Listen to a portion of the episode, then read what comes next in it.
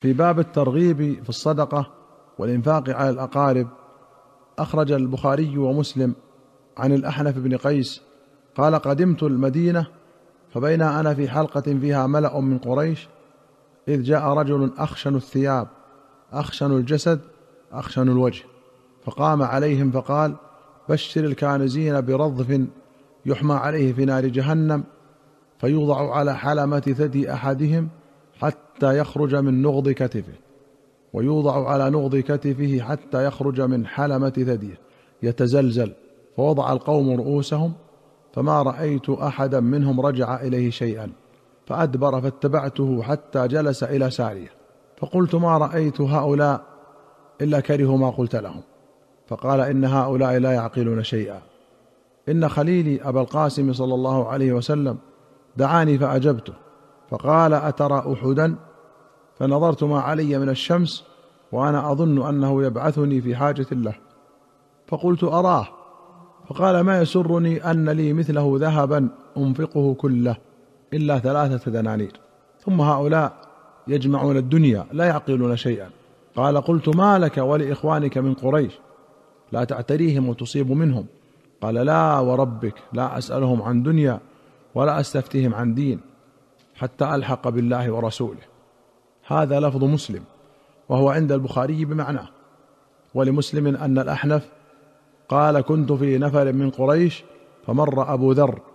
وهو يقول بشر الكانزين بكي في ظهورهم يخرج من جنوبهم وبكي من قبل أقفائهم يخرج من جباههم ثم تنحى فقعد. فقلت من هذا؟ قالوا هذا أبو ذر. قال فقمت إليه. فقلت ما شيء سمعتك تقول قبيل. قال ما قلت إلا شيئا سمعته من نبيهم صلى الله عليه وسلم. قال قلت ما تقول في هذا العطاء؟ قال خذه فإن فيه اليوم معونة. فإذا كان ثمن لدينك فدعه. وفي رواية له قال كنت أمشي مع النبي صلى الله عليه وسلم في حرة المدينة عشاء ونحن ننظر إلى أحد. فقال يا أبا ذر قلت لبيك يا رسول الله.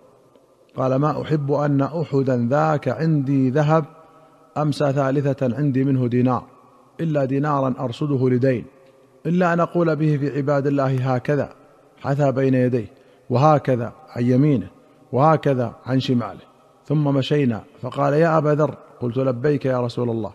قال إن الأكثرين هم الأقلون يوم القيامة إلا من قال هكذا وهكذا وهكذا مثل ما صنع في المرة الأولى. الرضف جمع رضفة كتمر وتمرة وهي حجارة محماة ونغض الكتف أعلاه أو العظم الرقيق بأعلاه وقوله تعتريهم أي تقصدهم وتطلب صلتهم وقوله أرصده لدين أي أعده له وقوله نظرت ما علي من الشمس أي كم بقي لي من النهار وأخرج الشيخان عن أبي هريرة رضي الله عنه أن رسول الله صلى الله عليه وسلم قال ما من يوم يصبح فيه العباد إلا ملكان ينزلان. يقول أحدهما اللهم أعط منفقا خلفا. ويقول الآخر اللهم أعط ممسكا تلفا. وأخرج الشيخان عن أبي هريرة رضي الله عنه قال قيل لرسول الله صلى الله عليه وسلم أي الصدقة خير أو أفضل؟ قال أن تصدق وأنت صحيح شحيح. تأمل الغنى وتخشى الفقر. ولا تمهل حتى إذا بلغت الحلقوم. قلت لفلان كذا ولفلان كذا وقد كان لفلان. وأخرج مسلم عن أبي هريرة أن رسول الله صلى الله عليه وسلم قال ما نقص مال من صدقة أو ما نقصت صدقة من مال. وما زاد الله عبدا بعفو إلا عزا. وما تواضع عبد لله إلا رفعه الله. وأخرج البخاري عن ابن مسعود رضي الله عنه أن رسول الله صلى الله عليه وسلم قال أيكم مال وارثه أحب إليه من ماله؟ قالوا يا رسول الله ما منا أحد إلا ماله أحب إليه. قال فإن ماله ما قدم ومال وارثه ما أخر. وأخرج البخاري ومسلم عن أبي هريرة رضي الله عنه أن رسول الله صلى الله عليه وسلم قال مثل البخيل والمنفق كمثل رجلين عليهما جنتان أو جبتان من حديد. من ثديهما إلى تراقيهما. فأما المنفق فلا ينفق إلا سبغت أو وفرت على جلده حتى تخفي بنانه وتعفو أثره. وأما البخيل فلا يريد أن ينفق شيئا إلا لزقت كل حلقة مكانها فهو يوسعها ولا تتسع. وفي رواية فيجهد أن يوسعها فلا يستطيع. الجبة بالباء لباس معروف ويقال لها الفروة وبالنون هي الوقاية. وقوله تعفو أثره أي تستر أثره ومعناه أن الصدقة تستر خطاياه كما يغطي الثوب الذي يجر على الأرض أثر صاحبه. وقيل المراد أن الله يستر المنفق في الدنيا والآخرة. وأخرج مسلم عن أبي مسعود البدري رضي الله عنه قال جاء رجل بناقة مخطومة إلى رسول الله صلى الله عليه وسلم فقال هذه في سبيل الله.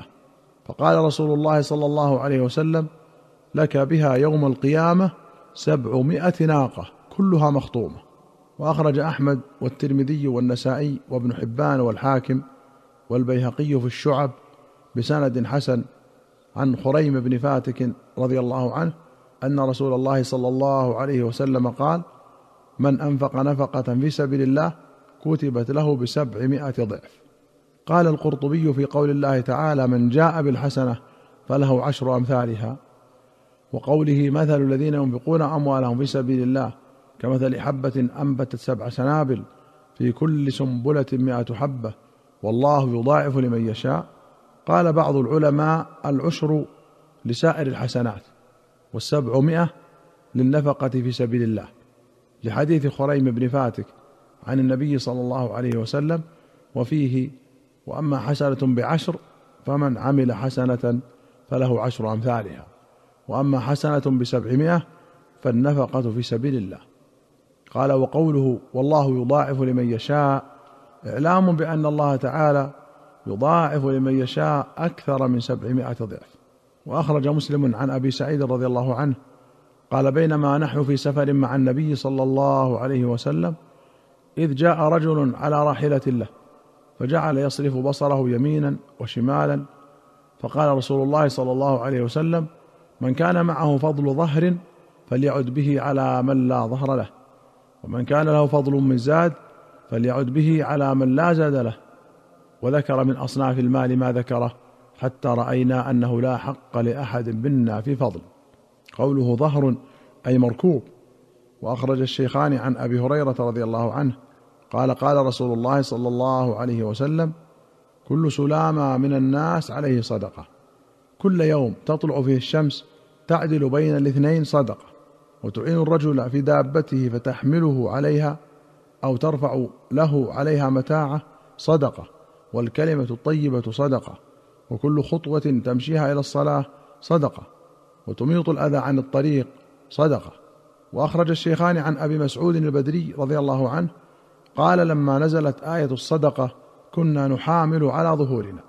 فجاء رجل فتصدق بشيء كثير فقالوا مراء وجاء رجل فتصدق بصاع فقالوا إن الله لغني عن صاع هذا. وفي رواية لما أمر رسول الله صلى الله عليه وسلم بالصدقة كنا نتحامل فجاء أبو عقيل بنصف صاع وجاء إنسان بأكثر منه فقال المنافقون إن الله لغني عن صدقة هذا وما فعل هذا الآخر إلا رياء. فنزلت الذين يلمزون المتطوعين من المؤمنين في الصدقات والذين لا يجدون إلا جهدهم فيسخرون منهم. الآية. وفي أخرى قال كان رسول الله صلى الله عليه وسلم إذا أمرنا بالصدقة انطلق أحدنا إلى السوق فيحامل فيصيب المد وإن لبعضهم اليوم لمائه ألف.